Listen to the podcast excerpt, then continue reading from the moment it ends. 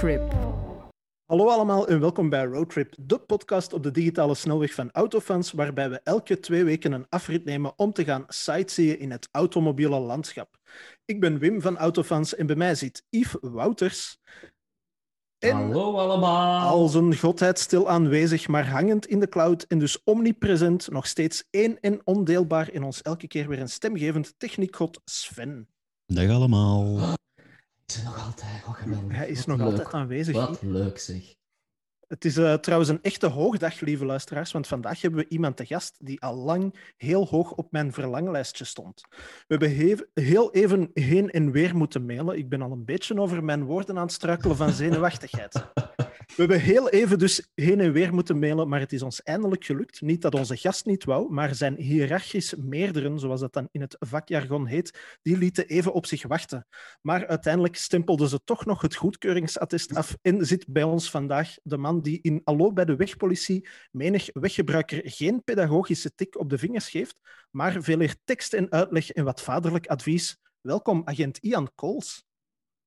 Hallo, goedemiddag. Hallo. Goedemiddag, Ian. Ik had het Blij dat ik hier mag zijn. Ah, wel, het was een heel uitvoerige inleiding. Hè?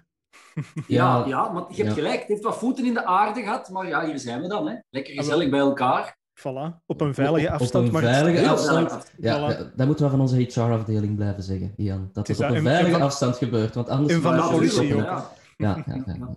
Ja, we zijn duidelijk ook allemaal in een andere ruimte. Dus dat is goed. Ja, toch wel, hè. Toch is wel, Ja, dat. is in orde. Alright. Eh Yves, je hebt mij eh, op voorhand toegefluisterd dat je een hypothetische openingsvraag had. Dus eh, Oei. Ja, ik, ik, ik zat met iets deze ochtend. En ik dacht, Ian is de geknipte persoon om mij daarvoor te helpen. Voor een, een hypothetische vraag. Ian, Ja. stel... We gaan meteen binnenvallen gewoon, hè. Vraag 1. Hè. Bam. Hypothetisch, hè? Ja, ja, voilà, voilà. Stel, hypothetisch, dat ik vandaag, puur hypothetisch, naar het containerpark zou zijn gereden om mijn snoeihout weg te doen. Hypothetisch. Met ehm, een persauto, een hypothetische Skoda Kamiq bijvoorbeeld, met trekhaak, en dus aanhangwagen vol snoeihout. En nu wil het hypothetische feit dat de nummerplaat op de perswagen hypothetisch niet dezelfde nummerplaat is als op de aanhangwagen, en daarboven dat de hypothetische Skoda een andere connectoraansluiting heeft voor de aanhangwagen dan de oudere aanhangwagen. Dus de, wat is dat, een 13 type en de 7? Ik weet het niet, want het is puur hypothetisch. Het is niet, zeker niet gebeurd. Ja. Voilà, ja. Stel dat je daar met hypothetisch de baan op gaat om naar het hypothetische containerpark te gaan. Ehm, wat Yves, voor ligt, dat, ligt dat puur hypothetisch in Heist op den Berg of omstreken? Stel dat open is tot 12. Welke hypothetische overtreding zou je dan begaan? ja, ten eerste, je je nummerplaat aan uw aanhangwagen moet hetzelfde zijn als de nummerplaat van uw voertuig. Dat, Mhm. dat geldt voor aanhangwagens tot 750 kilo. Hè. Ja, want ook dan die eigen apart verzekering. ingeschreven zijn. Hè. Ja, ja, Ja. Dat, dat is niet Dus- het geval. Allee, hypothetisch. Ja. Dus stel dan hypothetisch dat het zo Mhm. zou geweest zijn, en ook hypothetisch dat de wegpolitie op weg naar het containerpark aan de kant zou zetten, Ja.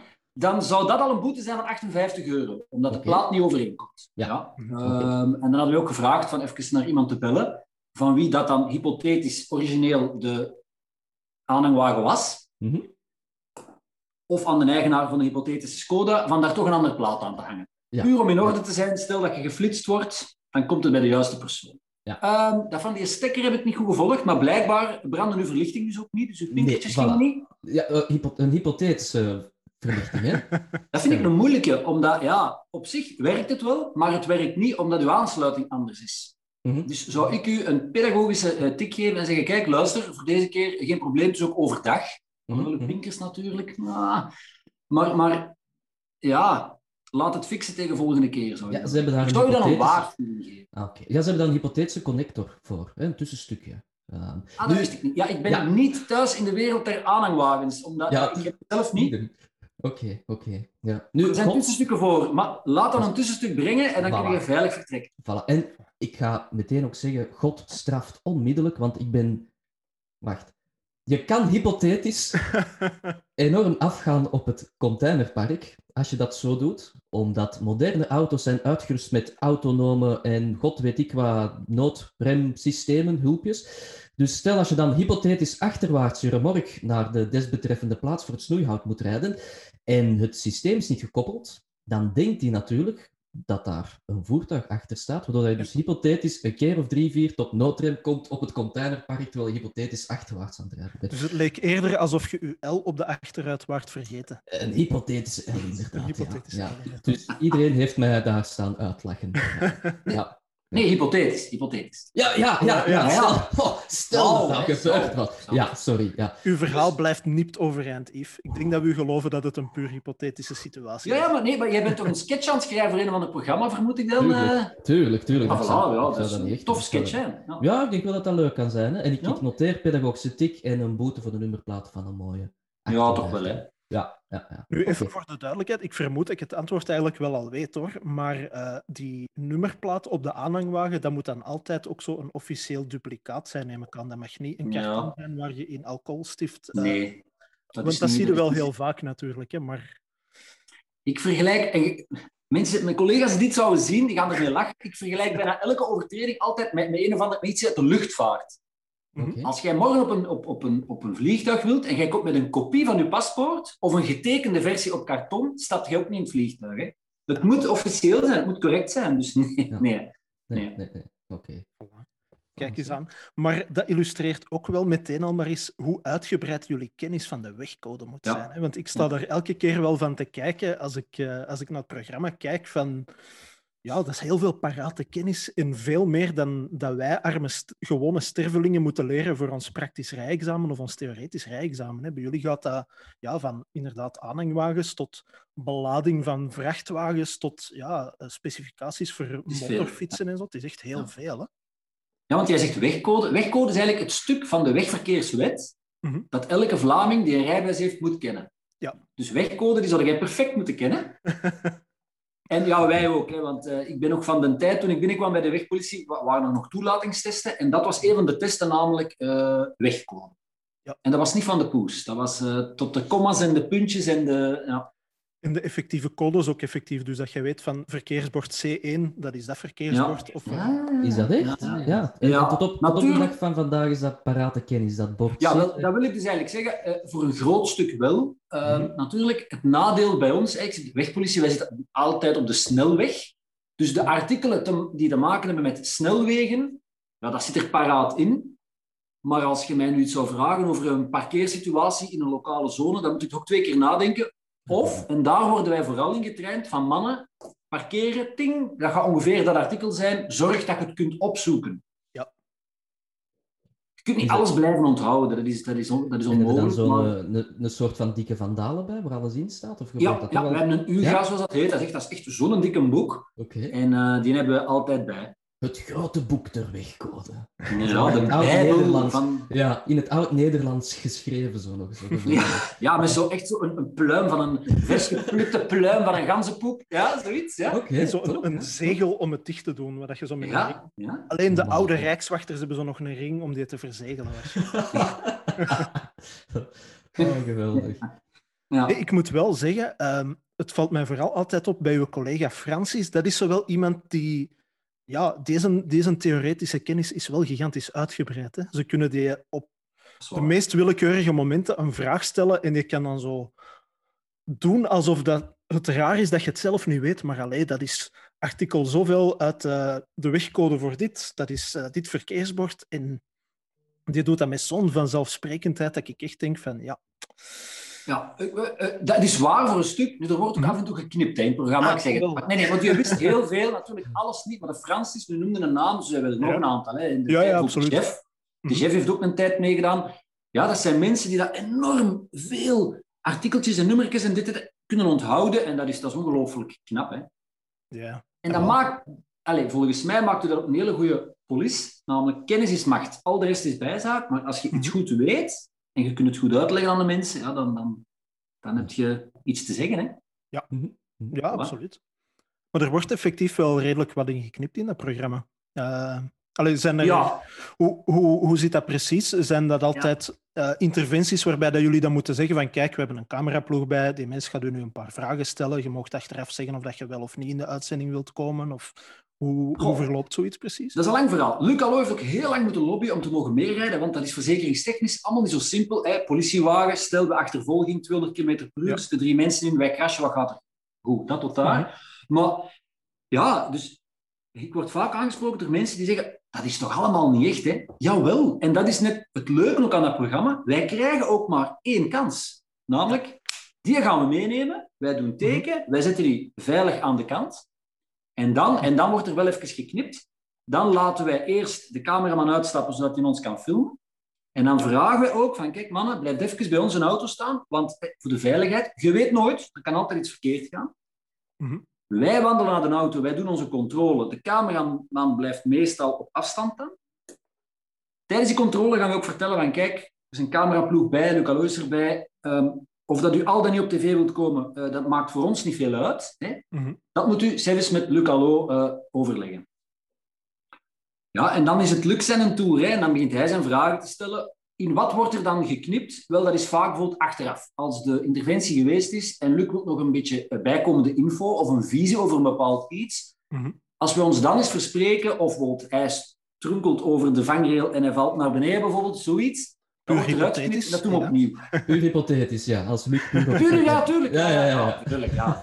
Alles is hypothetisch vandaag. Maar, maar echt interventie zelf, we kunnen moeilijk zeggen, wacht meneer, het is niet goed gelukt, kunt u nog eens vertrekken, beginnen bellen en dan rijden wij voorbij. Dat gaat niet. Allee. Nee, nee, nee, het is Nee, dat. uiteraard. uiteraard. Zeg, Allee, dat gaat wel, hè, want er zijn hypothetische programma's op VTM waar dat, dat misschien wel lukt, maar Ja, ja. bij, ja, hallo, bij de wegpolitie niet. Dan. Dat, dat is een, dat is een ander soort politie, inderdaad. Zeg, en kan ik zo tussen de, de lijnen door ook Oei. Horen dat er... Want ah, ik vind dat vaak in die programma's. Jij bent zichtbaar, Luc is zichtbaar, maar ik kan wel inbeelden dat er een heel grote verdienste ook van de cameraman afhangt. Ik weet dat er geluidsman of geluidsvrouw Ja. ook bij is. Ja. Dus ik kan me wel inbeelden, hè. Je zit in een auto als cameraman, in een achtervolging, zeg maar iets. Je moet dat ding filmen, terwijl je wordt volgens mij zo misselijk als iets. Je moet uitstappen en meteen nog kunnen... Die mensen doen toch ongelooflijk werk? Dat is ja, top. Ja, nu, die hebben dat ook moeten leren, hè. Mhm, mhm. Maar niet alleen de camera, maar Luc Allo ook. Waar, allee, dat zijn mensen... eh, wij spreken soms over snelheden, 220, 230, 240. Allee, dat lijkt voor heel veel mensen cool en leuk. Maar er zijn toch een hoop mensen, zeker als wij eens een stagiair meenemen, die denken wow, wow, wow, wow. Die bij zo'n snelheden toch even zo... Hola. Ja, ja. Dus inderdaad, heel veel respect voor die mensen. Mhm. En het leuke was dat het, allee, we hadden één of twee, of soms drie, allee, er waren drie mensen, denk ik, drie cameramannen, drie geluidsmannen, Ehm allee, die elkaar afwisselden. Dus het waren wel vaak dezelfde mensen. Maar die hebben toch, ja, en die zaten dan met drie van achter, echt, ja, Lekker zo, tegen zo'n snelheid, soms 30, 35 graden. Ja, chapeau, echt waar. Nu, dat zorgt letterlijk en figuurlijk wel voor bonding in de auto. Hè. Ja, ja, ja, Nee. dat is waar. Dat is echt wel, zo. Dat is Ja. En, en zijn er dan zo standaard ehm, overgeefzakjes ter beschikking? Of, of is dat nooit een Ik issue kan- ik kan niet spreken over mijn collega's, want allee, dat weet, maar als ze met mij meegereden heeft, is er nooit overgegeven moeten worden. Dus dan zullen wij topchauffeurs zijn, denk ik. Hè? Voilà. Ja, nee, Nee. voilà, voilà. Brengt dat, brengt dat ook niet wat meer eh, werk voor jullie mee dan? Omdat dan de duur van zo'n interventie eigenlijk toeneemt? Omdat je dan eerst moet zeggen van... De cameraman moet eerst even blijven wachten, dan moeten we met die mensen gaan praten. Dan wil de Luc nadien nog een paar vragen stellen. Duurt het dan niet langer voordat jullie terug beschikbaar zijn, laat ons zeggen? Ja, ja, dat wel. Maar dat brengt daarom niet meer werk mee. Hè? Mhm. Echt, allee, het werk is uiteindelijk, ja, op het moment dat wij iemand aan de kant zetten en we, we zeggen van kijk, we gaan nu ook echt effectief een bekeuring geven, Mhm. dan hebben de mensen, zeker een Belg, heeft dan de keuze, we betalen het onmiddellijk. En dan zijn ze daar vanaf. Dan moeten wij dat nog even in de computer ingeven s'avonds. Als ze zeggen, nee, nee, we gaan dat niet onmiddellijk betalen, stuur maar op. Ja, dan moeten wij vijf minuten langer iets in de computer ingeven.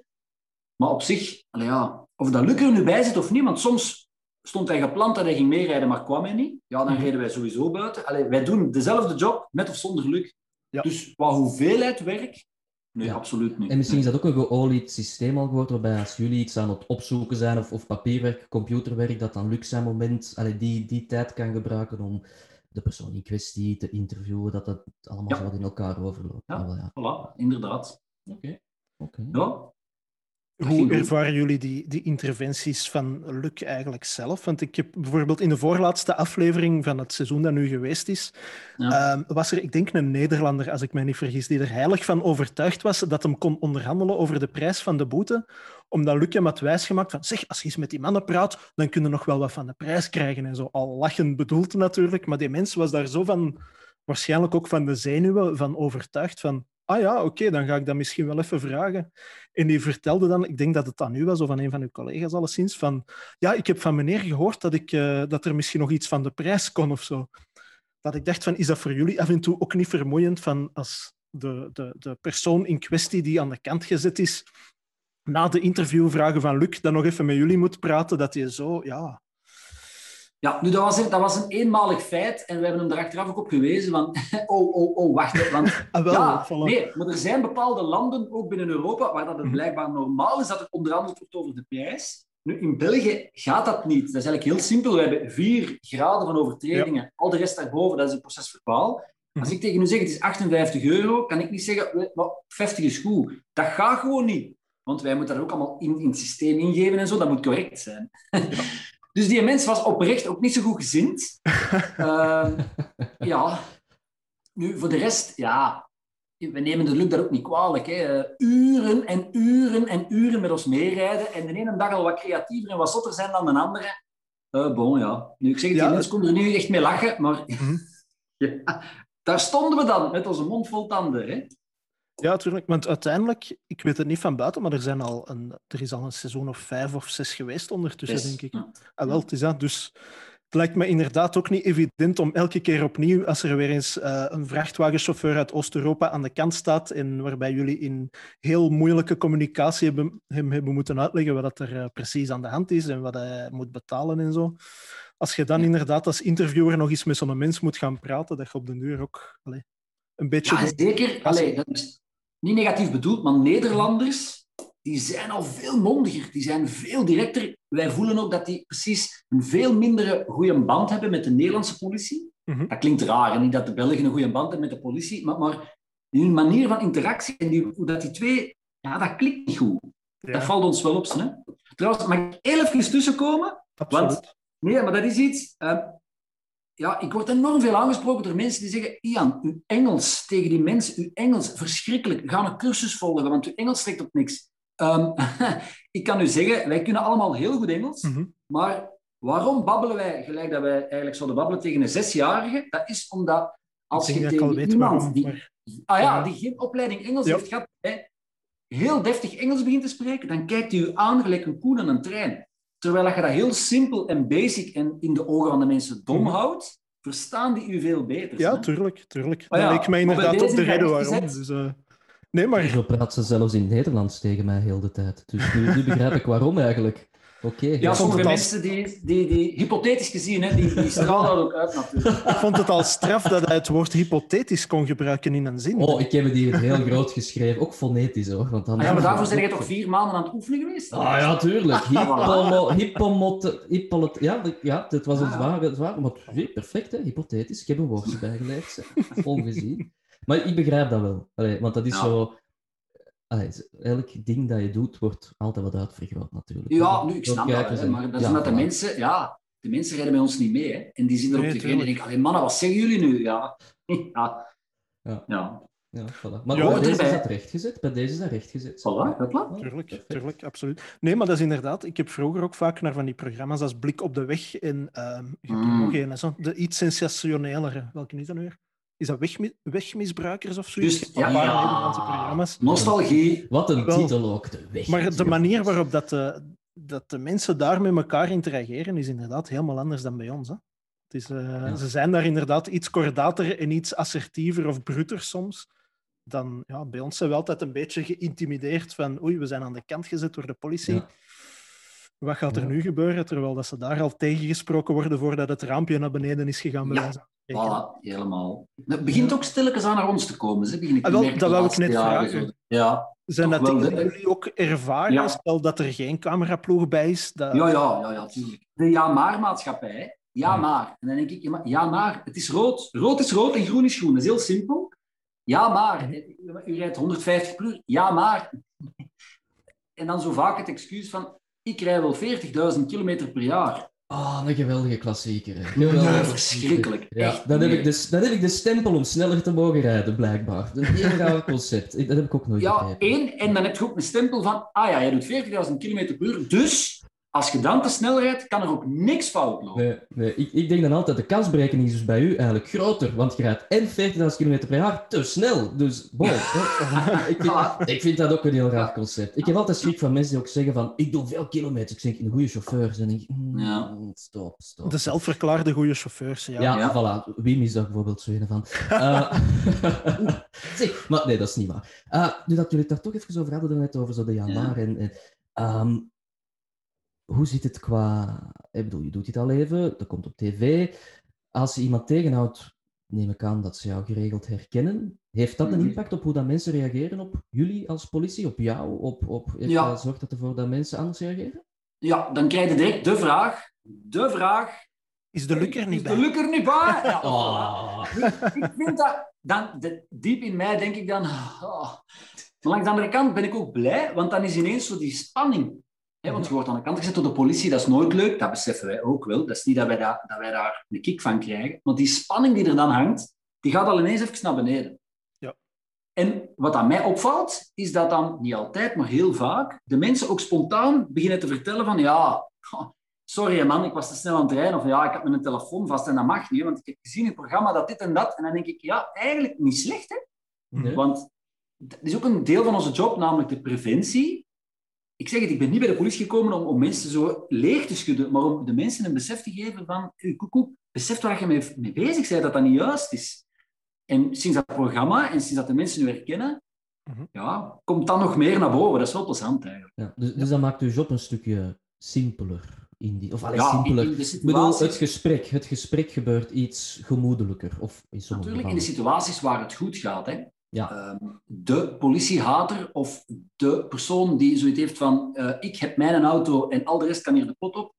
En de politie, dat zijn allemaal een bende idioten. Goh, er zijn nog altijd moeilijke interventies en interventies dat wij denken, goh, maar maak het nu toch niet zo moeilijk. Mhm. Maar sinds dat dat programma er is, is het over het algemeen alleen veel positiever, vind ik wel. Ja. Zeg, en, en bij uitbreiding... Ja, ik ben nu show aan het kapen met Wim. Dat is Ehm, geen enkel probleem, Yves. ehm, is er ook een verschil te merken bij mensen sinds COVID? Als ze worden tegengehouden? Een, een andere manier Ja. van communiceren? Een andere manier van rijden? Of, of... Ja, en ook een aantal stadia binnen COVID. Zo, ik herinner mij de, de, de- ja, exact een jaar geleden, nee, iets langer. Hè, eh, Ja? allee, elf maanden geleden, lockdown.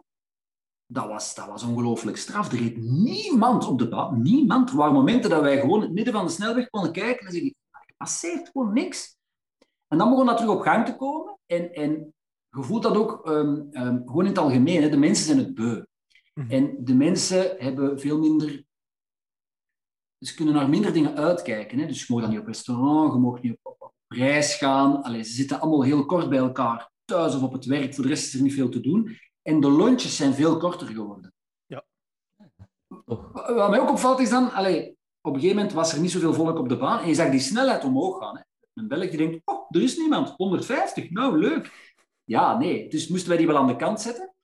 En dan zo dat kort lontje, ja, dat zorgde Ja. soms voor discussies. Ja. Zo, de klassieker, zo. Er redt niemand op de baan. Wat moet ik Ja. onder 20? Dan val ik in slaap. Ja. Ja, maar een Belg is ook zo van, mijn auto is mijn vrijheid. Ik heb daar hard voor gewerkt, mijn baas heeft mij een mooie auto gegeven. Ah, en ik ga daar nu eens snel mee rijden, want Ja. ik doe 40.000 km per jaar. Dat is zo, ja, typisch, hè. Ja, dat is, hè. ik, vind, ik vind dat zo'n geweldig verhaal, want eh, voor deze podcast waren we al met elkaar aan het praten. En, en Wim en ik hebben het geluk gehad dat wij, allee, nog steeds, maar dat is nu even stilgelegd met COVID, dat we eigenlijk heel de wereld rond konden reizen om met auto's te rijden. Dus we hebben echt op desolate plekken kunnen rijden.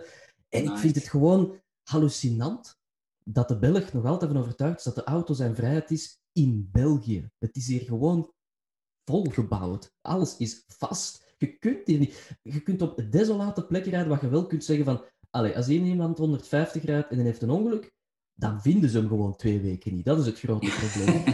In België is alles gewoon vol al. Ik, ik begrijp ook niet mensen hun, hun nood om, om ja, bij ons snel te willen rijden. Er is echt gewoon geen plaats meer voor. En dat is zeker op korte tijd. En dat klinkt heel raar. Ik weet dat als autojournalist en autofans en hoe moeten we allemaal snel... Ik heb dat ook totaal niet. Ik begrijp dat zelfs niet, waarom dat je dat zou willen doen. En ik vind dat gek, dat je in een zone, of allee, wat je 70 mocht rijden, nog altijd die, een- die een drang voelt om 90, 100 te rijden, als er lintbebouwing is. Ik snap dat gewoon niet. Ik snap dat niet.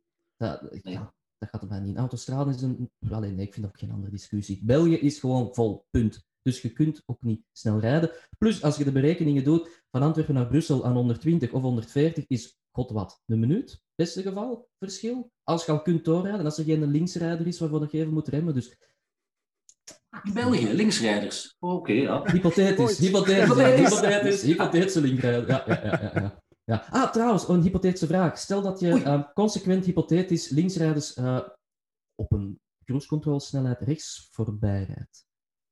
Eh, wat is dan de hypothetische schade dat je kan brokkenen boetegewijs? Oh, dat is een moeilijke. Ehm het hangt er ook vanaf waar, hè, want op, Ja, nu, Ja, nu niet, nu niet, op de, nu niet de, in de bebouwde kom. Nee, dat zou wel raar zijn. Nee, maar er zijn plaatsen waar dat bijvoorbeeld van die, van die over, over de rijstroken, als er Ja. zo echt een blauw bord hangt met witte pijlen, met eh, Gent bijvoorbeeld drie rijstroken, dan mocht je eigenlijk je rijstrook kiezen. Dus, maar maar, Mhm, mhm. ehm, op een gewone autostrade continu links rijden, ehm, ja, het is ergerlijk. Hè? Ja, Ik weet niet exact wat daar de boete op is. Ik, want dat is pas nog veranderd. Ik dacht, ik dacht dat dat naar een tweede graads gegaan was. Ah, ja, oké. En, Ja, wat, voor jullie, ja. wat is voor jullie, want ik vind dat enorm lastig. Ja, ik, ik boei me daar niet meer in op. Wederom, als je op andere plaatsen in andere landen kunt rijden, laat je dat hier gewoon vallen. Het is zoals het is.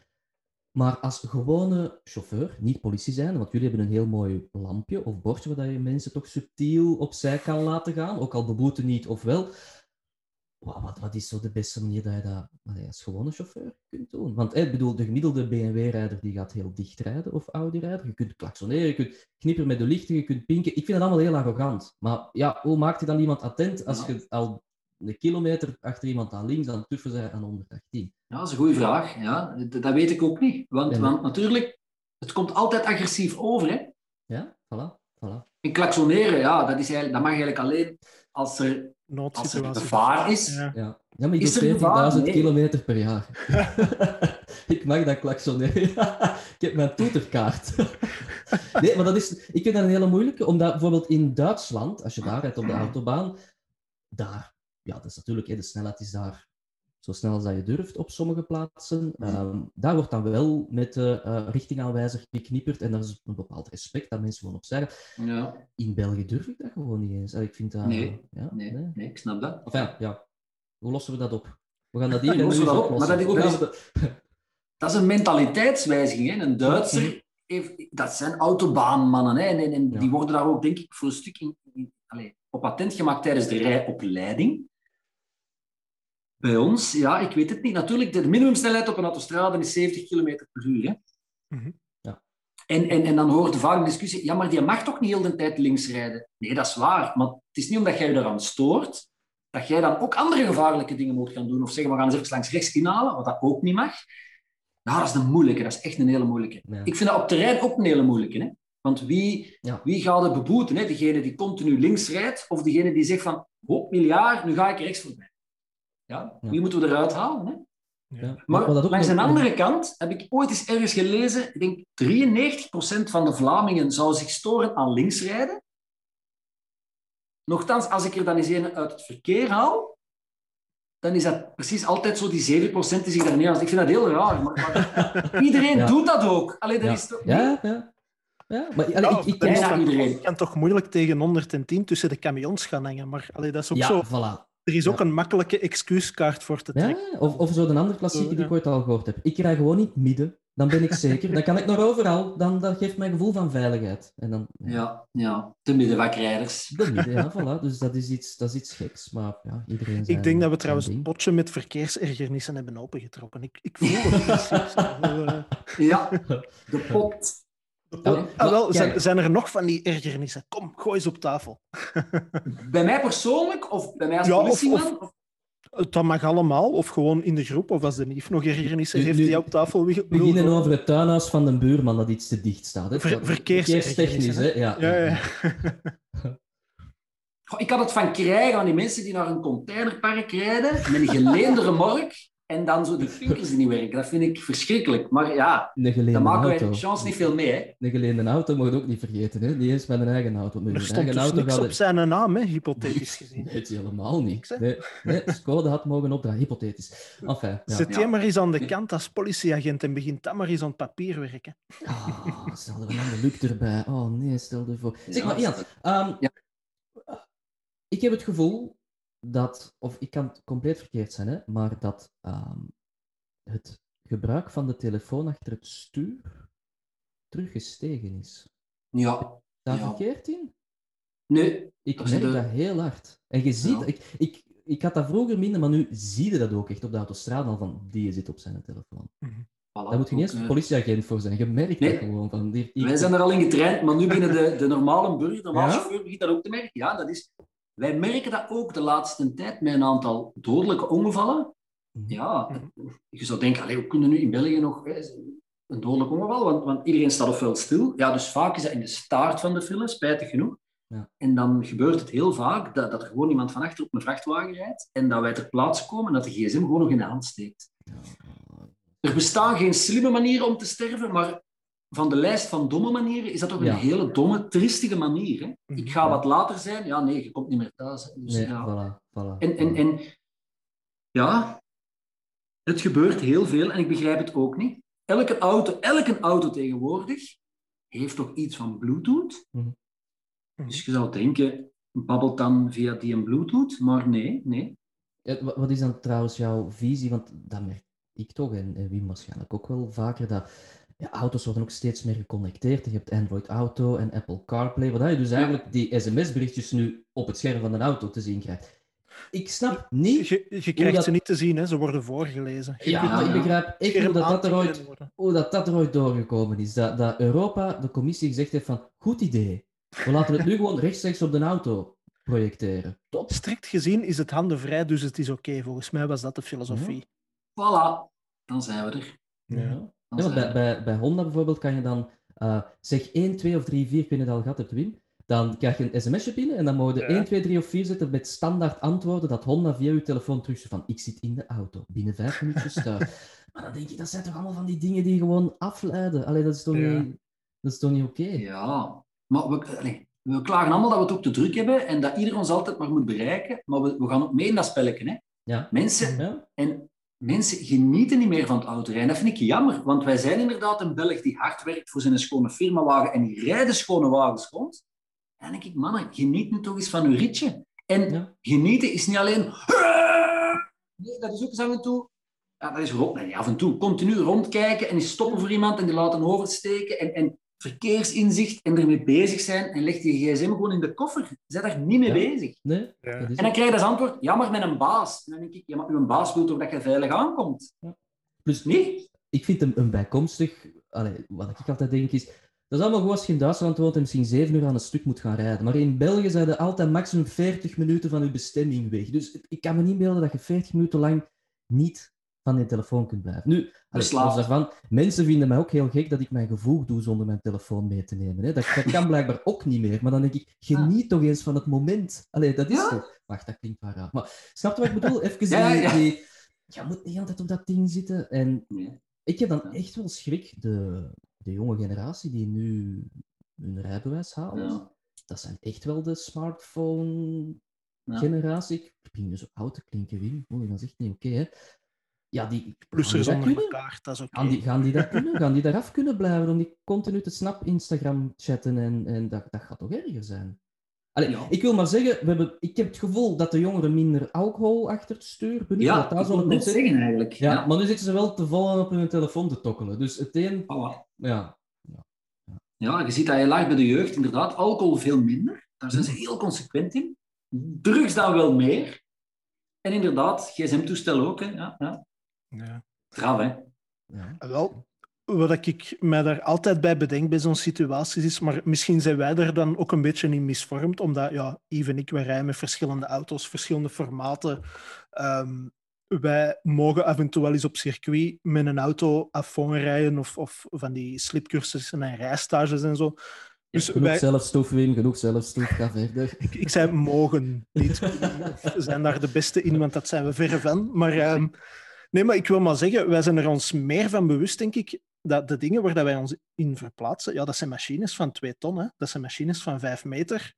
Die zijn veel geïsoleerder, veel veiliger dan vroeger, maar voor mij geeft dat nog altijd een vals gevoel van veiligheid. En ik denk dat misschien modernere automobilisten of modernere chauffeurs zich daar niet meer bewust van zijn. Van het feit dat je tegen 120 per uur verplaatst op, het gebeurt vaak genoeg, 2 meter, 3 meter van je voorligger. Allee, de consequenties die daaraan vasthangen, ja, die vervagen als je in een schoon geïsoleerde cabine zit met schoon leren zetels en je, uw, uw smartphone op je scherm dan, want dat doe je dan wel veilig, maar je zit dan wel even afgeleid. Allee, dus Mhm. je zit in een kokon in plaats van in een machine die zich tegen absurde snelheden verplaatst en die, allee, Ja. als ze tot stilstand komt, wel redelijk fataal tot stilstand kan komen. Je zit eigenlijk gewoon in een soort van luxe cinemazaal. Hè? Je moet toe nog eens aan een stuur draaien. eh, eh, Ja. Maar dat komt, allee, me, spreek mij niet tegen, maar ik heb nog leren rijden in de jaren 90 met zo'n oude Ford Fiesta. Mhm. Een topauto. Maar het leuke daaraan is, vanaf 60 per uur voelde dat ook dat je rijdt. En zeker 120, dat vangt wind, dat rammelt. Wij weten nog van, amai, Ja. wow, Je moest, werken, je moest werken voor die 120 per uur te halen. Maar ja, en Voilà, tegenwoordig, ja. koop, koop dus een deftige kleine auto. Ik ga geen merk noemen, maar die zijn er. Dat zijn inderdaad goed geïsoleerde wagens. Mhm. Hup, soundsysteem, dit, tjoep, tjoep, tjoep, tjoep, tjoep. Je voelt niet meer dat je, dat je inderdaad met dat ding weg bent van 1500, 2000 of meer kilo. Hè. Ja. Vals gevoel van veiligheid. Ja, ja. Dat, dat is bij mij ook wat de vrees met de, de opkomst van de elektrische auto's. Dat ja, heel veel leasingrijders het geluk hebben de overstap te maken aan de plug-in of full electric. En dus die, Ja. die gasten die jarenlang een Audi A4 2 liter TDI met toch al 115 of 150 pk of een 3-reeks of maakt maar niet uit, krijgen plots zo'n Tesla met 450 pk onder hun gat. Dat, dat lijkt mij gewoon levensgevaarlijk. Allee, sorry, hè. En, want dat zijn die mensen die zeggen, ja, maar ik doe ik wel 40.000 kilometer per jaar, hè. Ik heb het recht op, hè. En dan denk ik, ja, maar dat, dat zijn toch wel allee, compleet andere machines. En Mhm. vroeger, ik vond dat een mooie hiërarchie, hè. Als je vroeger steeg in, ehm, in lijn op je bedrijf, dan mocht je bijvoorbeeld van een 3-reeks naar een 5-reeks gaan, of van een, een C naar een E.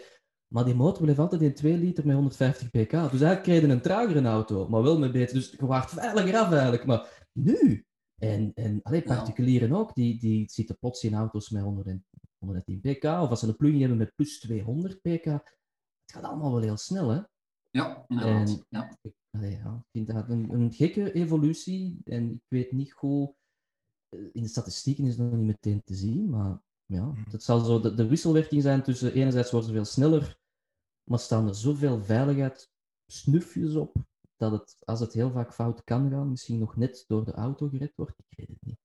Eh, ik vind het aardig. Ik vind het een gekke En dat in een land waar de snelheid steeds meer naar beneden gaat, hè, want we staan meer en meer stil. Zeker, nu met de werken in Antwerpen, allee, dat, dat gaat een impact hebben van je welste. Ja. En Ah, toch bedoel- kopen ze auto's met meer pk, ja. Zot? Ik heb, echt, ik heb echt medelijden met mensen die een MX-5 kopen nu. Want ik bedoel, wat, wat, wat, wat kun je daar nu nog mee doen? Buiten heel traag rijden met tak naar beneden. Ah, ik snap het wel. Ik snap het wel plots. Ja, oké, daar zit wel iets achter. Ja. Oké, sorry, dat was, ik was even aan het... aan En het- MX5 moeten werken voor uw 120 per uur. hè. Ja, dat is waar. Dat is waar. Dat is waar. Sorry, ik was even afgeleid. Ja, oké. Jan, niet van nou zeggen, Jan. Allee, puur, puur hypothetisch, hè? Zouden we ervoor moeten werken. Hè? Ja, ja, ja. ja, ja, ja, ja, voilà. Hoe, zit het, eh, hoe zit het eigenlijk met onze rijopleiding? Want ehm, dat was een, een, een bedenking die ik mij op voorhand is had gemaakt. Maar eh, Ford heeft bijvoorbeeld zo het idee, ze noemen dat Mhm. driving skills for life. En dan nodigen ze regelmatig beginnende chauffeurs die tussen dit en een jaar geleden of zo hun rijbewijs hebben gehad. Dan nodigen ze die eens uit in het eh, testterrein in Lommel. En dan Ah, ja. mogen die eens een noodstop uitvoeren. En dat is eigenlijk iets heel basic, wat je waarschijnlijk in je carrière als automobilist talloze keren gaat moeten doen. Of dat je het nu wilt of niet. Maar zij zeggen elke keer opnieuw van het is heel frappant hoe weinig beginnende chauffeurs eigenlijk al eens een noodstop hebben gedaan of weten wat het is of weten wat dat, dat trillend gevoel is als die ABS begint te werken. En ja, hoe, zit het eigenlijk met onze rijopleiding? Worden wij eigenlijk wel genoeg opgeleid? Gaat het, is, het, is het alleen de kennis van het verkeer en van de verkeersborden en de voorrang van rechts en de snelheidslimieten en die dingen? Of zijn er misschien ook praktische dingen die, die, die wij misschien niet genoeg leren in onze rijopleiding? Dingen die echt Ja. misschien specifiek met een auto te maken hebben? Natuurlijk, allee, het is niet aan mij om kritiek te gaan leveren op de rijopleiding, maar ja, wij merken ook wel dat heel veel mensen... Bij ons heb je heel snel je, je papiertje. Ja. Maar het is niet omdat je dat papiertje hebt dat je met een auto kunt rijden. Dat verkeersinzicht, dat, dat missen heel veel mensen. Dus dat initiatief van Ford, dat is fantastisch. Mhm. Ehm, nu denk ik, allee, we leven toch in 2021. eh, de meest totte dingen, ze zetten nu zelfs eh, fototoestellen op Mars. Dus misschien meer gebruik van maken van een soort van simulaties of zoiets. Ja. Probeer, zet eens een ene die net leren rijden heeft in zo'n simulatie en laat eens voelen wat het is om te rijden als je drugs gebruikt hebt, als je alcohol gebruikt hebt. Laat die eens met, die, met dat simulatieding 200 rijden en laat die eens voelen hoe moeilijk dat, dat is om tot stilstand te komen, om, om, om een bocht te pakken. Dat is verkeersinzicht, dat is weten waar je mee bezig bent. Dus Dat ik vind van bij... Ford wel... Dat doen ze daar bij Ford ook. Eh Ja, maar alleen als je dan een Ford koopt, Niet letterlijk. Nee, nee, nee, nee, nee. nee. Nee, Als- nee, als- dat als dat En dan moet je van die gewichten, gewichten aan, je, aan uw handen dragen, die zo wat contragewicht geven. Ah en ja, dan wel. een bril dat alles wat vloed trekt. En dan merk je meteen dat je geen klos waard bent. Hè. Zo simpel is het, hè, dat je een input. Dus allee, dat, in die zin is dat wel een, een goede opleiding. Ik weet niet of die nu nog bestaat, dat, dat- want die was gratis ook. Ja, ik neem aan dat ze het vorig jaar niet hebben kunnen doen, natuurlijk. Hè, Ja. met, Ik vond dat een top-initiatief. En je kon met een Mondeo eh, driften. Want hadden ze dan van achter ehm, juist. zijwieltjes aangezet. Ja, ja. De achterbanden nog net Ah, ja. contact maken, waardoor dat je dus instuurde dat, dat een auto wegschoof. Om gewoon eens te voelen hoe snel dat kan gebeuren. Wat je kunt. Ik vond dat aan zich, ja, vond dat ook wel. Dat ook Maar ik heb ooit eens laten wijsmaken dat, ik denk dat het in Zweden is, of in een, een van die eh, modellanden daar in het noorden, dat de rijopleiding, dus het moment dat je zegt van ik start eraan, tot het moment dat je zegt van nu zijn de geslaagd, dat dat twee jaar duurt. ja, en dat die dat ook met wel. terugkommomenten en ook een stuk, Ja. ah man, het sneeuwt, we gaan eens kijken, waarom geeft dat in de sneeuw? Dat lijkt mij niet slecht. Ik ben blij dat je dat zegt, want ik was hetzelfde aan het denken. En volgens Ah, mij ja, moeten ze daar dat- en in sneeuw en s'nachts rijden ook. Om die, de, de whole package van alle situaties en... Wa- Waarschijnlijk Ja, Finland of zo. Maar uh, allee, ik weet het niet zeker, hè, maar Het is één van die landen. Hè. Ja. ja, ik ben ervan overtuigd dat ze in Finland allemaal stiekem zo'n rallyauto in hun, in hun tuin. Dat is echt, hoe dat ze Ja. daar bij min 20, allee, Ja. weliswaar met spijkerbanden, maar hoe dat ze Ja. daar Ja. over sneeuw rijden alsof het niks is. Ja, ja, Terwijl dat wij met ons centimeter sneeuw, of allee, twee weken geleden vijf centimeter sneeuw. We zijn er niet op voorzien. Hè. Ik had dan een Nee. buurman dat ook aan mij vroeg. Zeg, ik heb nu winterbanden van Fulda. En dan denk ik, ja, het probleem is een beetje, heb je een winter- of zomerbanden, als er ijs ligt, ligt er ijs. Daar kun je eigenlijk behoorlijk weinig aan doen, of je moet nageltjes uit je band hebben steken. Maar als je nagels hebt steken, kun je beter naar de bandenboer een nieuwe band laten. Allee, ik bedoel, er is zo'n raar perceptie dat de winterband heilig is. Ik ben niet, ik moet oppassen wat ik zeg, ik ben niet helemaal pro-winterband, in die zin dat uw remmerstand is veel groter en de momenten dat hij optimaal kan werken zijn in België misschien schaars, relatief schaars. En, en dat vind ik de belangrijkste, dat merk ik, en dat is perceptie. Vanaf dat mensen winterbanden hebben, denken ze dat ze safe zijn. De andere Wel, raad maar dat is de fout. Het zijn de banden Ja. niet. Hè. Nee, nee, die nee, banden zorgen inderdaad voor, voor, voor, voor een hoop extra grip bij koude temperaturen. Maar hetgeen wat je zegt, ijs is ijs. Hè. Ja. Ja. Allee, ik denk dan, ben ik dan een idioot dat, dat 10, 20 per uur trager gaat rijden op de autostrade? Zelfs niet eens als het sneeuwt, gewoon als het koud is. Hè. En dan zie je zo een BMW, ik zeg precies een BMW-basje vandaag, voorbij vlammen. En zo gewoon van baanvak wisselen, zelfs in, in de regen, hè, als er heel veel regen valt, denk ik, oh, jongen, die witte lijnen, pas te koppel dat je zo rijdt. Allee, zwart. Ja, ja. Dat zal... Maar als het zo, gelijk die, die week dat het zo echt koud was en goed gesneeuwd had, Mhm. wat zijn de eerste auto's die we uit de gracht mogen gaan halen, denkt jij? De achterwielaandrijvers. Nee, nee de, de jeeps. De, de mensen die denken, ah, voilà, ik heb Ja, voilà. SUV, mij Ja. kan niks overkomen. Ah, het is glad. Oh, maar ik heb winterbanden. Laat ons even volop in de remmen gaan. Ja, en dan zegt die een auto, ik denk het niet. Nee. Maar, Ik denk het niet. maar ze zitten wel hoger in hun auto, hè, Jan. Dus dat, dat Ja, dus ze zien de veiligheidsgevoel- gracht iets sneller aankomen. dan, Het Ja. veiligheidsgevoel neemt je niet af. Ze zitten wel Ja, maar- hoger in de auto. En de instap was die ochtend wel gemakkelijker. Maar ja, is, is dat echt zo? Dat zijn de... de... Maar dan niet de... de... Allee, of misschien ook wel, niet de echte SUV's, maar zo de, De, ja, crossover, de Ja, crossovertjes van deze Ja, maar de, de echte SUV's, zoveel rijden er niet rond in België. Hè. Eh, De, de, maar de- ik weet niet wat jij de definitie is van een echte SUV. Ja, maar- laten we al zeggen vierwielaandrijving. Laten we ons daar mee ja, starten. toch ook wel eens. Hè. Ja? Maar wat zei je met vierwielaandrijving als je begint te schuiven? Niks. Op, op ijs. Niks. Nee, nee, nee. nee, nee, nee. Aanpassen van je snelheid is aanpassen van je snelheid. Hè. En zelfs dan nog, ik, ik herinner mij nog twee jaar, drie jaar geleden, er is sowieso een, een jaar geweest dat er plots uit het niets echt ijzel, gewoon pure ijzel is gevallen. Eén dag, een paar uur, Ja, Ehm, ehm, drie jaar geleden. Ja, dat- Ik weet niet waarom ja, ik dat zo accuraat kan Ik zeggen. dat we het Maar... allemaal weten. Ik ging toen voor een, een video met een, een Nissan 370Z een burn-out doen. Voor, eh, ik weet niet voor wat dat was eigenlijk. Op privéterreinen, Yves, puur hypothetisch. Dat was wel realistisch op privé. Maar goed. Ehm, en ik weet nog dat Nissan zei, van, ja, pak er maar mee, dat is goed. En niemand had dat zien aankomen. Ik moest die auto toen gaan terugbrengen, want hè, dat werd altijd met planningen. En echt gewoon puur een ijzel op de baan. En ik heb nog nooit, nog nooit in mijn leven meegemaakt dat iedereen op de autostrade, zelfs SUV's en achterwiel aangedrevenen, 10 per uur aan het rijden was. Iedereen gewoon billen toegeknepen, gewoon rustig aan het rijden. En ik herinner mij dan nog dat ik dan bij Nissan aankwam en uitstapte. En ze hebben van die parkeervakjes met witte eh, verf. En ik keihard gevallen. Zo glad als ik. Ik zei van, yes, ik ben er, niets gebeurd. En dan uitstappen en ik wauw. Ja, ja, ja, Ik ben, precies. ja. Ja, dat valt tegen. En toen heb ik ook wel geleerd, want ze hebben dat altijd gezegd, dat witte lijnen heel gevaarlijk kunnen zijn, de verf. En dat, dat is ook wel echt. Dat is, super, Ja. dat is veel gladder dan, dan asfalt. ja.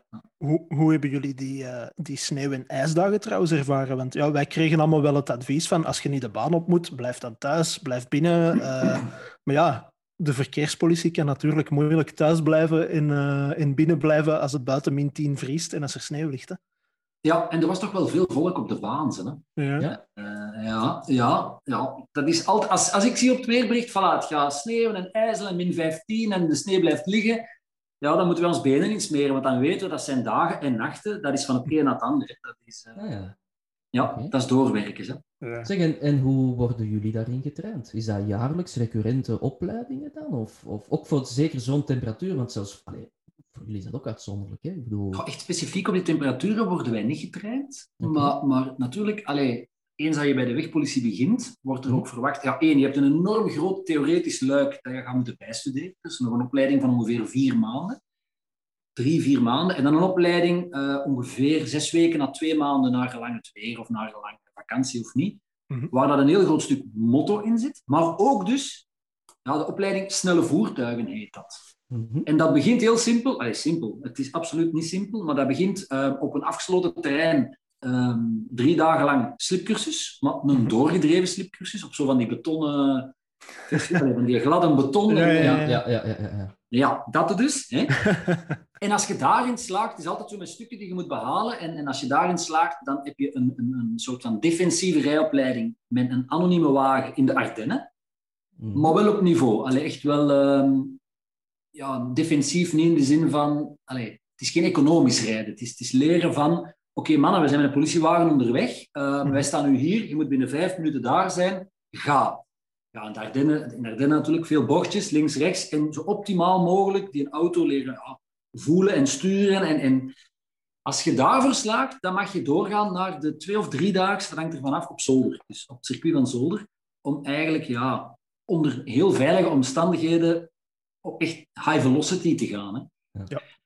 En dan ben je geslaagd in die, in, die, in die module snelle voertuigen. En dan is het normaal gezien de bedoeling dat je twee keer per jaar minstens aan recyclage doet, zoals ze dat zeggen. Recyclage wil zeggen, je wordt echt uitgenodigd voor een dag, ofwel op de slipschool, ofwel is het een dag eh, op het circuit van Zolder. Mhm. En dan gaan ze oefeningen doen. Om te kijken van, kun je het nog, kun je het niet, eh, waar kunnen we bijsturen, wat kunnen we nog aanleren. Heel plezante dagen. Ik wou Ja, net voilà, zeggen, amai, ja. ik zei daar straks van, ja, wij mogen af en toe sowieso op circuit. Af Ja. en toe. ik denk Ja. dat we even overtroffen zijn, Yves. Ja, ja. Ja, ja, ja. ja, Dus ja, want, welkom, eh, wij zoeken nog volk. Hè? want Ian mag het met sirenes doen, dat is nog leuker. En alles Ja, is wel. leuker met een blauwzwaai. Ja, nog zo- nog zoiets Daar hebben wij over- aparte auto's. Ja. Over sirenes gesproken. Ik heb, Ja. Dat is echt de, de meest vreemde vakantiejob die ik ooit heb gedaan, maar ik ben ooit ambulancier geweest. Ehm, Als vakantiejob. als vakantiejob, echt waar. Eh, je hebt van die privé-ambulancediensten, jullie zullen, zullen die ongetwijfeld wel kennen. Ja. Ehm, maar toen was dat... Allee, je mocht met een cursus EHBO, mocht je daar echt als ambulancier elke dag erop uit. En ik heb die cursus op papier gekregen. dus ik moest mijn cursus erbij halen als iemand moest reanimeren. Gelukkig is dat niet gebeurd, maar Ja. ik ben ook na een week ermee gestopt, omdat ik dat toch zo niet heel verantwoord vond. Maar ik heb toen wel ene keer ehm, met zwaailicht en sirene moeten rijden. Zo een hartpatiënt die morgens niet goed was geworden in het woonzorgcentrum. Die moest naar het ziekenhuis voor onderzoek en dat was dan een dringende rit. Maar het viel mij op hoe weinig mensen dat u gezien hebben. Je rijdt dan in een knalgele camionet met grote blauwe lichten op, met veel lawaai. En ze zien u niet, hè. Ze zien u niet. Dat moet Ze bij- willen u niet zien. Ja, Ja, maar- is, dat is ook een enorm grote frustratie bij ons ook. Ik, Ja. Daar zou Allo een volledige aflevering mee kunnen vullen. Er wordt geen woord gezegd buiten het gevloek van de politiemannen. En gewoon is, we vertrekken in de garage. Nee, maar ik meen dat. We ja. vertrekken in de garage. De garage gaat open. woep, en we rijden naar een interventie. Ja. Stalen zenuwen moeten daarvoor hebben ze. En dan nog, ook wij verliezen ons geduld soms. Het is niet normaal. Ja. En dat is weer al verkeersinzicht. Hè? Want de ene, die ziet u niet. De andere gaat naar links. De derde gaat naar rechts. De vierde denkt, pff, de politie gaat niet aan de kant. De vijfde die begint te remmen. Het is verschrikkelijk. Ik wou het net zeggen, je hebt zo, volgens mij enerzijds mensen die het niet zien, en dan heb je zo Ja. die, die zie ik altijd graag als er politie of, of zo de, de diehards die gewoon hun velgen kapot rijden en zo er is een trottoir op knallen Ja, en zo, ja. "Ah, de weg, er is iemand. Die, die, lijken mij nog altijd gevaarlijker, want die hebben precies Ja. zo paniek en die maken zo van die, dat lijkt mij veel gevaarlijker, omdat er dan zo van die ja, rare scenario's gecreëerd worden, wat ik soms ook denk, ja, of zo de klassieker, iemand dat voor een rood licht staat, ze allemaal van zo, moeten wij nu vooruit, wat moeten wij nu doen? Oh, die gaan mij opschrijven, want ik ga het rijden. Ja, daar Ah, zijn we ja. op dat moment mee bezig. Echt wel. Ja, ja. je zou het wel eens kunnen testen natuurlijk. Ah, ja, voilà. Wat Nee. ook met een telefoon voor de nummerplaat later. Ja, voilà. Maar dat kan ik me wel Nee, dat inderdaad zeer, zeer vervelend moet zijn. Ja, toch. En, en ook soms dat, dat je, zeker voor s'nachts, dan tegenwoordig met onze nieuwe eh, generatie van, van voertuigen van, van de wegpolitie, daar hangen blauwe leds aan die dat pijn doen aan hun ogen. Echt waar, doen echt pijn aan hun ogen. Hè. Daar zitten stroboscopen bij, dat is ongelooflijk zot. Als je, dat, als je dat niet ziet aankomen, ja, dan heb je een gen dat ergens mist, volgens mij. Maar dan ook nog eens s'nachts. En dan kom je echt heel dicht, van veraf al, hè, dus dat al een paar seconden, en dan kom je heel dicht. En mensen die niet aan de kant gaan, en dan gaan ze zo een beetje van links naar rechts laten voelen van hallo, Ja. koek, koek, Ja. de sirene, we zijn geen ijscreamkar. Dan gaan die aan de kant en dan doen wij zo teken van...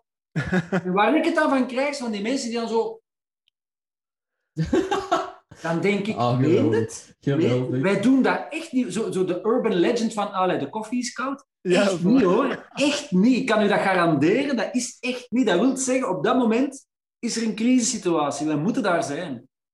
Zeg, maar Ja. laten we ons ook wel van uitgaan dat mensen die zich momenteel om twee uur s'nachts op de baan begeven, LSD-gebruikers zijn die van een lockdownfeestje komen. Nee, daar kun je toch niet te veel van eisen op dit moment. Ja, Allee, zo- probeer ik dan... Hè, ik weet dat ik te, Ja. te braaf ben hè, voor iedereen en dat ik dan... Ja, je brengt me op ideeën. Ja, ja, dat is waar. Ja, dat Ja, toch? waar.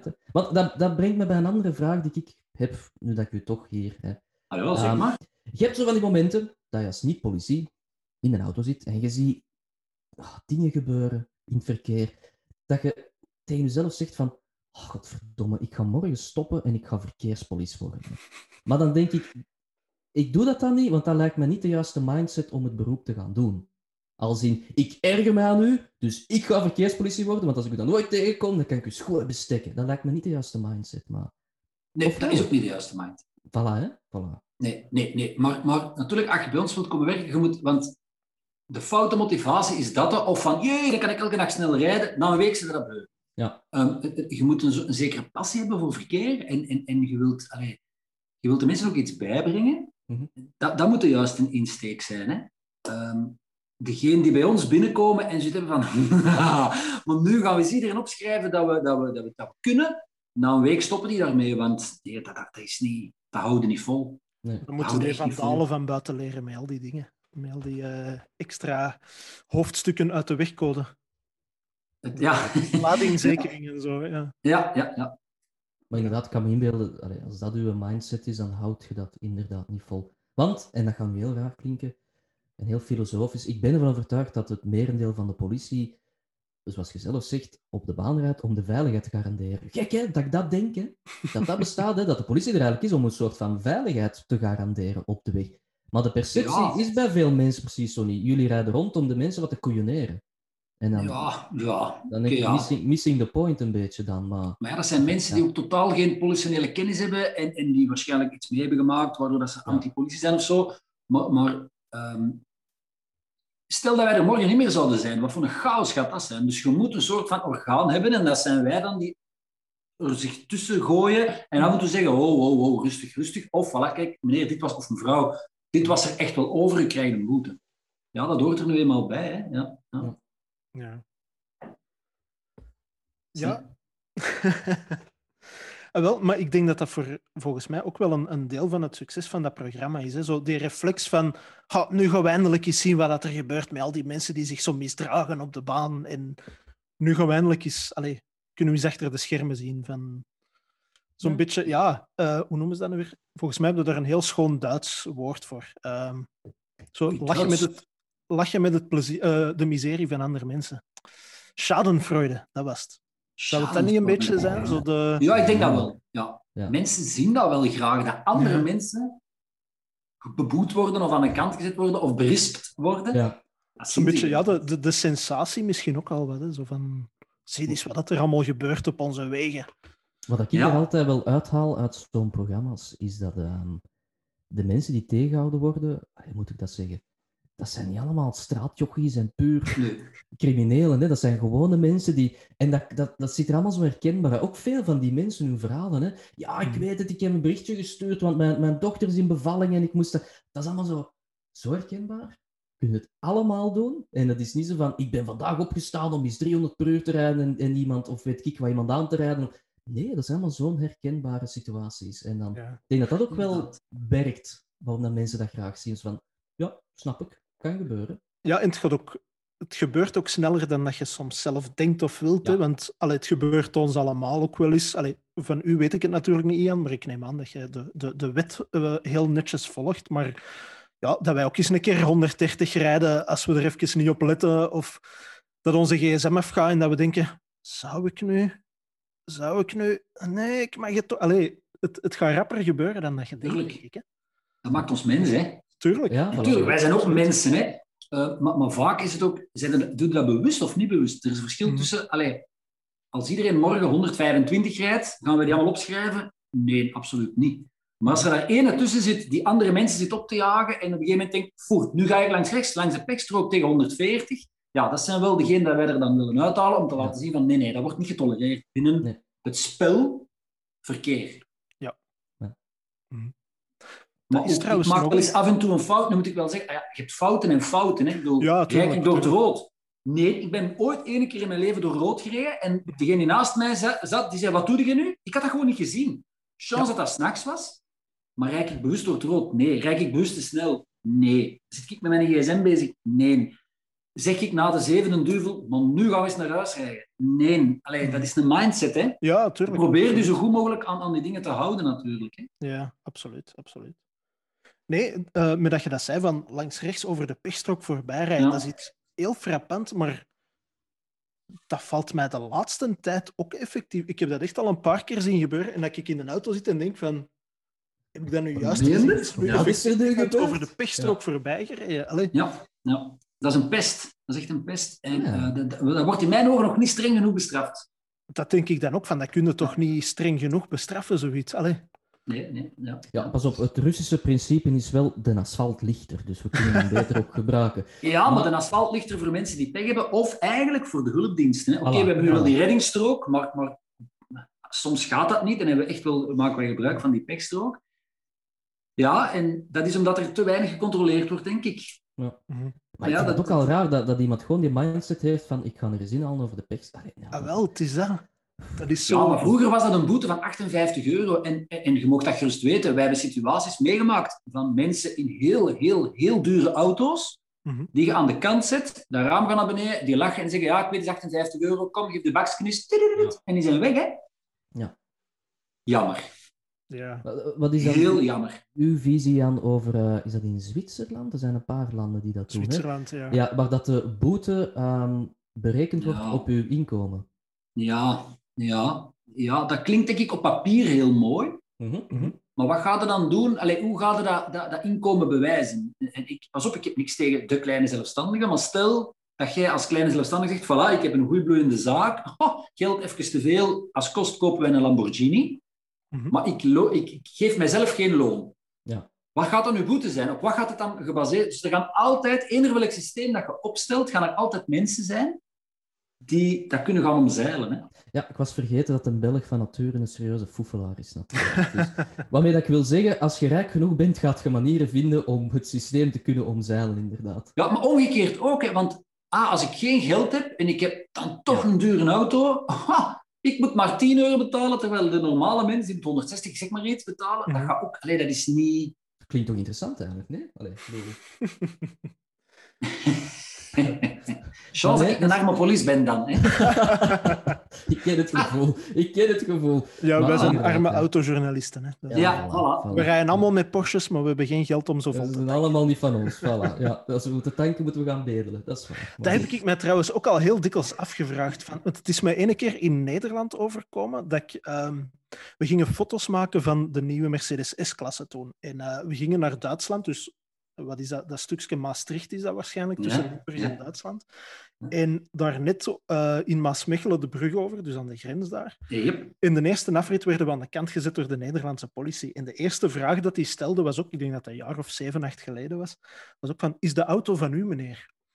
En dat je dan die uitleg moet gaan doen van, ja, nee, dat is eigenlijk een auto van de invoerder van Mercedes in België, maar kijk, ik heb een uitleenattest waarop staat dat ik van die tot die datum met die auto aan het rijden ben. En ik heb me dat al dikwijls afgevraagd, want ja, wij rijden met, ik zeg maar iets, een Kia Picanto, maar evengoed met een Mercedes S-klasse of zo. En Mhm. soms zijn daar opzichtige dingen bij van, wat gebeurt er nu als wij eens aan de kant worden gezet en de vraag is, is die een auto van u of hoe komt het dat jij in zo'n auto rijdt? Ja, dan, dan, dan staat er daar met je briefje van, eh, het is niet mijn auto, maar ik werk voor een automagazine en...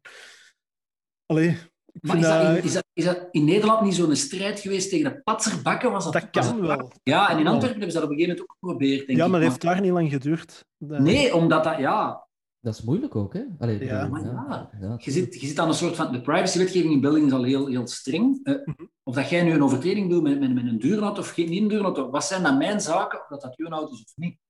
In bepaalde wetgevingen, ik denk aan, is hem verzekerd, is hem niet verzekerd, willen wij wel weten wie zijn eigenaar en wie niet. Maar dat is niet dat wij... Oh jee, we zien een Porsche. Hup, die gaan aan de kant. Zeggen ze wel die van u? Nee, dat, dat doen we niet. Dat, dat mag niet. Nu, Ian, je Nee. kunt daar echt wel van genieten in onze job, dat je zo de ene week met een Kia Picanto rijdt. Ja, dat snap ik. Nota bene, die moet eraf gereden worden door een, een leasingrijder. Ehm, en dan de week daarna rijden met iets veel exclusiever. En je ziet mensen gewoon zo... Ja, die zee gaat open. hè. Of nog Ja. een betere, ik heb dat heel vaak. Als ik me, en ik weet het, maar ik zie ze zo graag daar hè, bij BMW. Als ik met een BMW rijd en ik geef voorrang, of ik rits, of ik pink. Stoppen aan het zebrapad met een BMW, inderdaad. Ja, ja ah, wel, maar dat is dat je mensen, hebben, mensen hebben dan echt zoiets van: hier, is, is dit correct? Ja. Is dit, ken dit camera? Wat is er aan de hand? Het is een, een glitch in de Matrix, inderdaad. Ja, ik weet dat ik ooit, en dat is zo onnozel, maar ik ben dat nooit vergeten, want het was voor mij de wake-up call. Jaren terug met de, de, de M6. eh, de lelijke, denk ik dat was. Ehm, en er kwam een, een Mini Cooper S tegemoet gereden, zo net niet met die, met die compressor nog, kijk de foto. Mhm. En ik stak mijn duim omhoog naar die mens. En die, die was echt in paniek. Die dacht ik, ik hem ging overvallen. Allee, ik weet het gewoon niet. En dan dacht ik van, ah ja, dat is juist, ik zit in zo'n onnozele Ja. patserbak. En- Maar dat is zo grappig om te zien hoe dat het verkeer reageert op auto's ook. En wij zien het eigenlijk vanuit eerste hand, omdat we, ja, omdat we met, met, met een Dacia rijden en dan de week na met een Mercedes. Dat is een compleet andere manier hoe dat mensen op u reageren. Of u, Mhm. dat heb je dan ook wel, als je met duurdere merken rijdt. Ritsen, je komt er niet tussen, hè, man. En dan is zo een, een tijd een hobby geweest bij de automerken om gepersonaliseerde nummerplaat vanaf het kon. En dan, en dan staat er echt Taycan op. Of zo, god weet ik wat, Tesla 1. Of, dat maakt er u niet gewoon sympathieker, hè? niet- Nee, absoluut niet. Je komt er gewoon niet tussen. Ja. Forget it. En dan denk ik, maar vorige week mocht ik dat wel in mijn Clio. En nu niet, wat is het verschil? Dat is toch gek Ja. dat mensen zo'n perceptiebeeld hebben. Perceptie, hun auto. ja, dat is Ja. het woord. Hè. Dat is echt absurd. Dat is echt absurd. Enfin, dat, is, dat is mijn grote ehm, last in het verkeer. Ik moet, ik moet de moeite doen om eh, de loftrompet niet nog eens af te steken over de Honda E. Ik heb dat echt al... Ik doe dat om de andere podcastaflevering. Dat is zo de, de nieuwe kleine elektrische auto van Honda. En dat is gebaseerd op de Civic, de allereerste Civic van zoveel jaren terug. Maar dat ziet er gewoon waanzinnig sympathiek uit. Dat heeft zo van die ronde koplampen en dat is klein en dat is compact. Dat heeft geen spiegels, maar van die achteruitrijcamera's. Dus dat is zo wat Mhm. futuristisch ook. Mhm. En je kunt daar de stomste stoten mee uithalen, puur hypothetisch. Want allee, we blijven even hypothetisch. Maar mensen vinden dat oké. die, die denken van. Ah ja, maar dat auto ziet er tof uit. Ah, allee, het kan geen kwaad. Doe maar eens onnozel. En, en... Maar door het roodje. Wat een tof auto. Hypothetisch, hè? Nee, maar er, er zijn inderdaad auto's waarmee dat je. Ja, er hangen echt verwachtingen aan bepaalde auto's. Ik vind dat ook heel straf. Ja, dat is zo. Zeg, nu, nu dat je dat ook zegt van een elektrische auto, ik vind dat wel interessant, Ian. Ehm, Ja. Tesla is daar het, het verste in momenteel. Maar zo het zelfrijdende gedoe, en ik weet dat, hè, de Tesla, die een autopilot-functie, dat er echt wel mensen zijn die denken, ik kan een dutje doen dan. Kom je dat ook al stilaan tegen op de Belgische wegen, of niet echt? Ja, ja, ja, wij moeten af en toe mensen aan de kant zetten die bijvoorbeeld... Ja, en dat is echt waar, hè, die een krant aan het lezen zijn. Of, eh, die ja, en dan... Ik heb, ik heb het antwoord al meermaals gehad van... Ja, maar meneer, dat is een Tesla, hè. Ja, Oh. oké, ja, maar, en dan... Ja, maar de Geweldig. autopilot... hè. Ja, maar meneer, hè, u bent als bestuurder... Ja, maar er kan niks gebeuren, hè. Ja, meneer, maar het is niet de bedoeling dat je al aan het rijden bent, dat je een krant aan het lezen bent. Ja, maar ik ben niet aan het rijden, hè. Een auto is aan het rijden. Ja, vermoeiende discussies. Vermoeiende Oh. discussies, maar ja, zolang België in de wetgeving zegt van kijk, een auto heeft een bestuurder en het is de bestuurder die aan een aantal wetgevingen moet voldoen, ja, zal het zo zijn. Hè? Maar dat is wel een uitdaging voor de komende x aantal jaren, denk ik wel. Ja. Ik, ik weet dat er ooit, en dat was, dat was voordat jij bij ons waart, Wim, ehm, Mhm. dat als de Tesla's er pas waren met echt het autopilot systeem, dat er zo het idee even geopperd werd van misschien moeten we gewoon een hele dag op de ring van Antwerpen gaan rijden en zo de meest van de potgerukte dingen doen. Zo'n een, een ananas slicer gebruiken, zo, terwijl het dat automaat is, terwijl dan, dan mensen zo kijken, één aan een Tesla, en dan zien ze dat iemand zo'n ananas insnijden. Of zo'n opblaaspop opblazen in die auto. De hele tijd. Maar dat idee is afgeschoten en ook tot besef kwamen van ja, dat is gewoon niet veilig, punt. Dat is grappig. Dat heeft amusementswaarde, maar ja, je begeeft er wel in het verkeer, dus dat is gewoon niet oké. op de Antwerpse ring staat er sowieso stille, Eve. Dat, is, eh, Ja, dat is waar. dat is op zich Dat geen probleem geweest. waar. Ja, maar je moet je voertuig altijd in de hand hebben, hè? ook als je stilstaat. Plus, en, en Ja. misschien ook verder denken van, mensen gaan misschien beginnen kijken en zo, wat is dat hier? En boem, dan- ze rijdt tegen ja, de vrachtwagen, ja, dan zeg jij oorzaak van een ongeval. We hebben ook ooit, ooit een mop willen doen. ehm, dat was zo'n reeks van, van ideeën. Kan je, kan je carpoolen in België? En dat was het idee dat we ergens in de file gingen staan met een camionet en dan de achterdeuren open doen en zag je zo vijf man polen in een camionetje, zodat je perfect kunt carpoolen. Dat Ik ben blij dat ik toen nog niet bij jullie werk. maar dat is allemaal, we hebben dat allemaal niet gedaan, want dan denk je, ja, stel je voor dat je dat zo opfilmt en dan stopt net de wegpolitie. Hoe leg je dat uit? Van, ja, dat is eigenlijk voor een mop, dat wij aan het Ja. poelen zijn van achter in een camionet met vier man, terwijl dat... En het is niet onze camionet, want ik heb hier een Ah ja, het is een- waarop ja, ja, staat dat. Met mijn eigen camionet ga ik dat niet doen. Ik Maar ik doe zo ver, maar- 40.000 kilometer per jaar, dus eh Elkaar poelen. Ja, maar je zou toch Ja. een boete hebben aan je benen. Dus, hè. voilà. Tuurlijk. Ja, want je zit er... verschillende... Ja? Natuurlijk. Ah, nee, ik wou zeggen, en met verschillende auto's, hè, die 40.000 kilometer. Dus oh, Ah, dat is ongelooflijk, zeg. Zijn er, zijn er zo van die situaties waarbij dat je denkt van deze heb ik nu echt nog nooit, nog nooit gezien of hier weet ik echt niet wat ik daarvan moet denken van qua absurditeit of qua, ja, misschien ook qua uitvlucht gewoon. Los van de krantenlezende mensen in de Tesla's, maar Het, het grappigste wat ik op dat vlak ooit heb meegemaakt, eh, was dat we een oproep kregen voor twee naakte mannen op de oprit. En één had een wapen vast. Ja, dan gaat natuurlijk ping, ping, ping, ping. Ja, dus wij vliegen daar naartoe. Eh, Oprit Oelegem was dat, een E34 Aha. Oelegem. Wij waren er niet zo ver van, van, vandaan en wij komen daar dan op een gegeven moment op ter plaatse. En inderdaad, niet echt op de oprit, maar op de pekstrook zit een man volledig naakt, met, en met van die, van die plusje handboeien op zijn rug, een rode bol in zijn mond en daar staat boven een andere naakte man met een speelgoedwapen. En blijkbaar was er een soort van ja, seksspelletje, soort van ehm, dominantie, eh, hoe ver Ja. kunnen we de kick hier eh, drijven. eh. en dan denkt het toch van, mensen lief, serieus? Doe dat toch thuis? Daarvoor hebben ze hotels uitgevonden. Hè? Doe dat toch thuis, toch niet op een snelweg?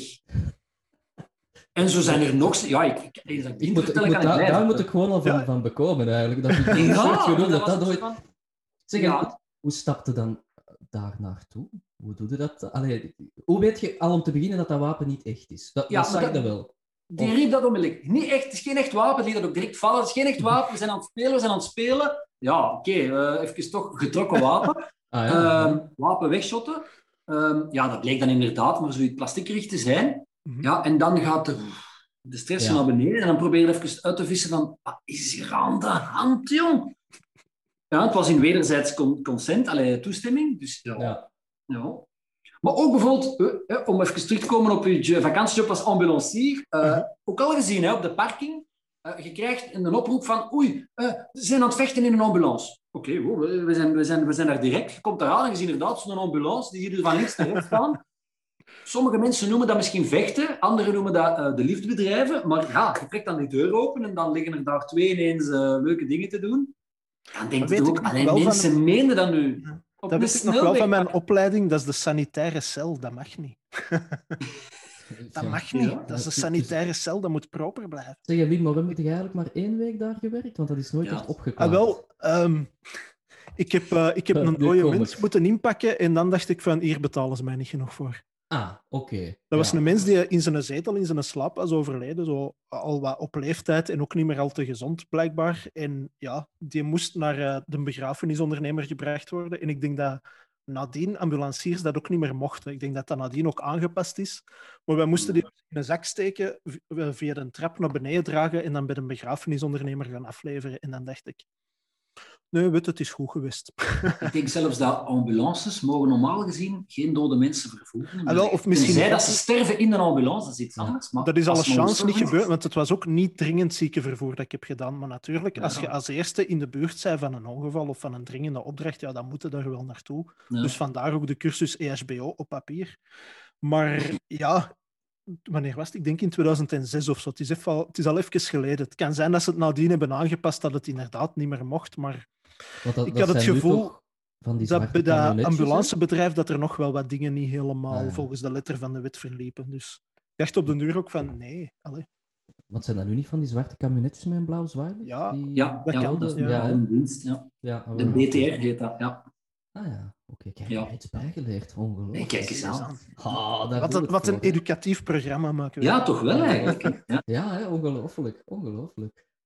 Alright. Nee, ah, wel, maar dat was echt... Ja, dat, dat werd mij verkocht als niet dringend ziekenvervoer. Dus oude mensjes van, de, van het woonzorgcentrum naar de dokter brengen en omgekeerd. En al redelijk snel bleek dat er ook wel eens wat andere opdrachten bij kwamen kijken. En, en ja, op den duur dacht ik ook van... Sorry, maar deze is niet verantwoord. En het hoeft voor mij ook niet meer eigenlijk. Dus eh, na een week zei ik toch bedankt. En ik ga wel iets anders zoeken. Maar ik heb wel met, een- met een eh, prioritair het- voertuig gereden. En toen ben in het diepe gat genaamd journalistiek gevallen, Wim. Dat heeft, nog, dat heeft nog iets langer geduurd. Ah, oké. maar dat is een neerwaartse spiraal, Yves. En was, Ja. eh, journalistiek? Is dit journalistiek? Of, eh, Eh, ja, Oh, het is- het is een vaag begrip, het is een vaag hè. Ja, voilà. voilà. Journalistiek, entertainment. Goh, Ja, voilà. Allee voilà. dan. Een beetje zoals Lucalo. Voilà. Nee, voilà. Ja, ja Luc is mooi. Luc is, is allee, samen met zijn, zijn eh, ja, de grote man boven Luc, hè. je weet allemaal wie dat, dat is, de Paul. Ehm, ja, dat zijn mensen die journalistiek en entertainment wel hebben kunnen samenvoegen. Hè. Maar allee, tot, tot zover mijn lofzang over, over Luc. Hè. Ik, bedoel, ik vind dat knap dat dat... Ja, Ja. Dat dat komt. Kijk, dat kwam gewoon even, ik het gewoon even eruit gooien, omdat ik dat, dat ik dat mooi vind. Dat er... Ja, maar, maar ik, ik, ik heb u dat eh, daar straks ook al eh, even onofficieel verteld en ik ga dat nu nog eens doen. Ik heb enorm veel, want er zijn voorstanders en tegenstanders en, en dat mag, maar ik vind het wel enorm knap. Je moet je dat nu eens inbeelden. Dus je bent aan het rijden, je bent iets aan het doen dat niet mag, woep, die blauw lichten gaan aan. Wat zeg je dan? Godverdomme! Oké, we zitten nu aan de kant. Wij stappen uit. Foep, Zo'n saucis met zo'n allee, zo'n een, een micro, een De cameraman, dan hond, Luc Allo, dan zeg je een tweede keer. Oké, bon, je krijgt je boete, die camera neemt het allemaal op.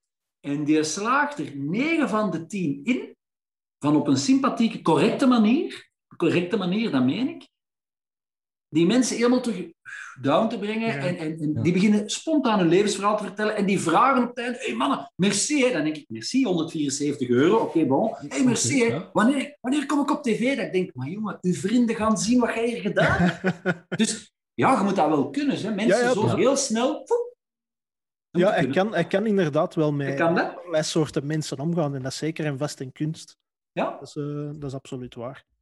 En tot daar ook mijn lofzang dan over Luc. Wim, het is jouw beurt nu. Nu is het jouw beurt. Jouw twee minuutjes voor eh, Luc.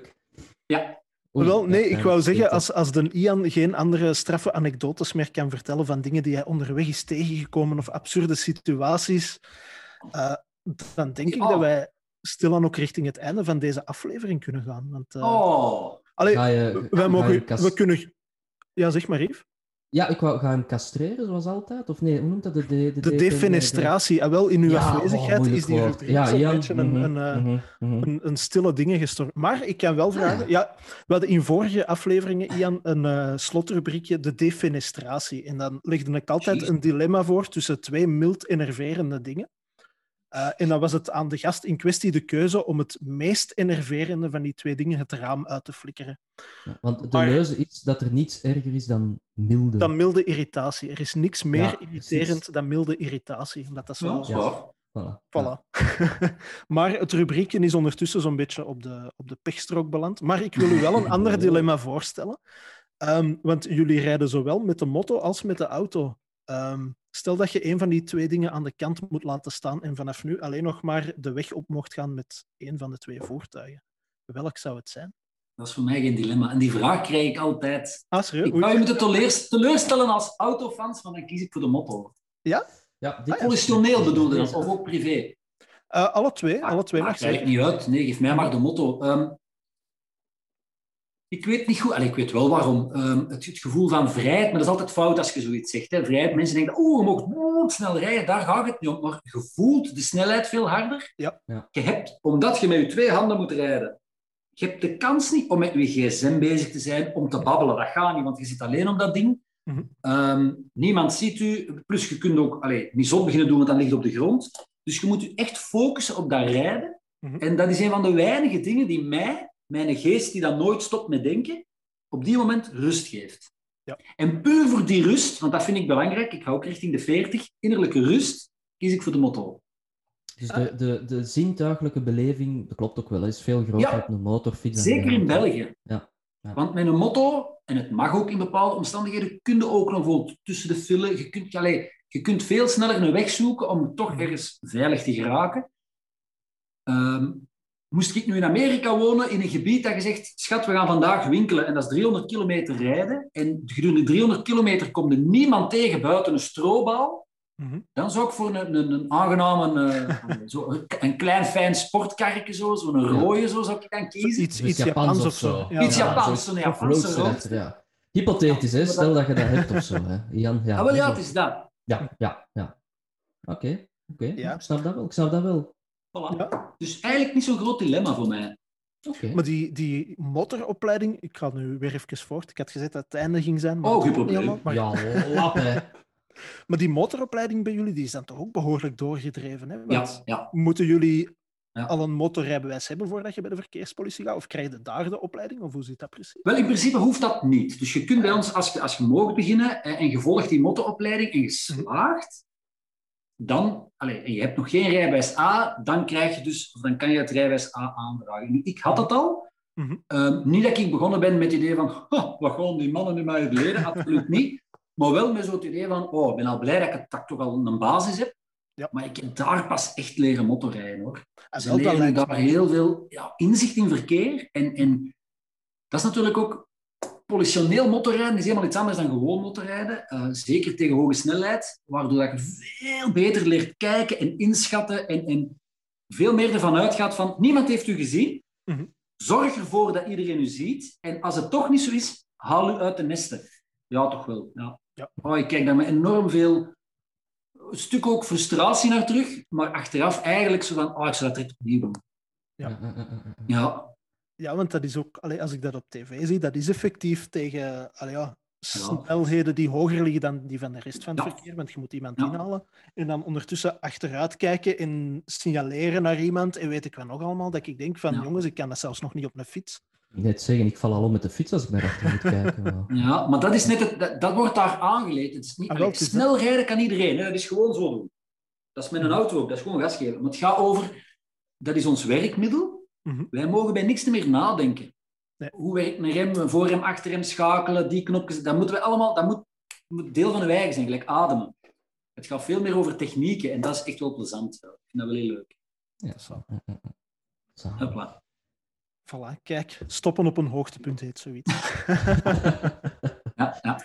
Voilà, nee, Ian, dan rest er mij alleen nog maar om u geweldig hard te bedanken voor de tijd die je eh, eindelijk voor ons kon vrijmaken. Allee, je kon hem wel vroeger vrijmaken, maar die uw Ja. hiërarchische meerdere voor ons wilde vrijmaken.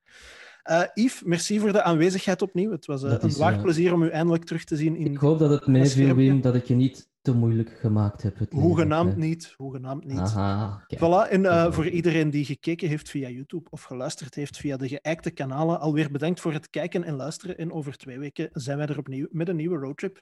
Tot dan. Voilà, doei!